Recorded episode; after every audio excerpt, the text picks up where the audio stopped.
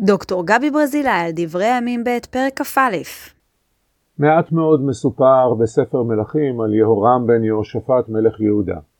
רק שעשה הרע בעיני אדוני, שלא הצליח למנוע מרד של האדומים, ושמלך שמונה שנים בלבד. ספר דברי הימים, לעומת זאת, מוסיף לו עוד כהנה וכהנה.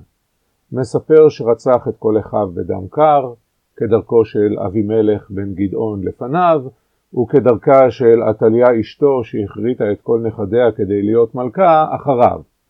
לא זו אף זו, את האזכור הקצר על הליכתו של יהורם בדרכי בית אחאב, אשר מופיע בספר מלכים, הרחיבו מחברי דברי הימים לתיאור מפורט של מלך עובד עבודה זרה, חוטא ומחטיא, וגם מכתב מאליהו המציאו לו המחברים כדי לחדד עוד יותר את אשמתו של מלך יהודה.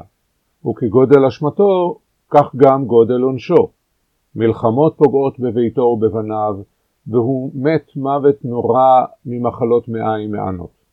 ובכל זאת למה? האם לא מספיק לסכם בקצרה ויעש הרע בעיני אדוני כדרכו של ספר מלכים? ובכן לא. מה שהספיק אז כבר לא מספיק עכשיו. תורת השכר והעונש האישית והמיידית שבה מחזיקים מחברי ספר דברי הימים, איננה מוכנה להסתפק באמירות כלליות ובעונשים מדיניים. על פי תפיסת עולמם של המחברים, אם המצב המדיני-צבאי בימיו של יהורם לא היה טוב, הרי שזהו עונש על חטאי המלך והעם.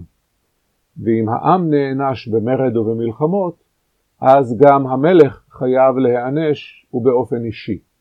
מחולל המהפכה המחשבתית הזאת הוא הנביא יחזקאל. הנפש החוטאת היא תמות.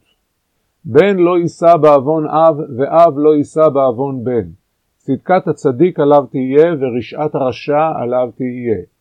יחזקאל, פרק י"ח, פסוק כ.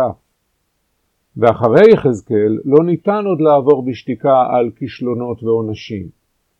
אם מלך נכשל במלחמותיו, יש למצוא לו חטא שיצדיק את עונשו.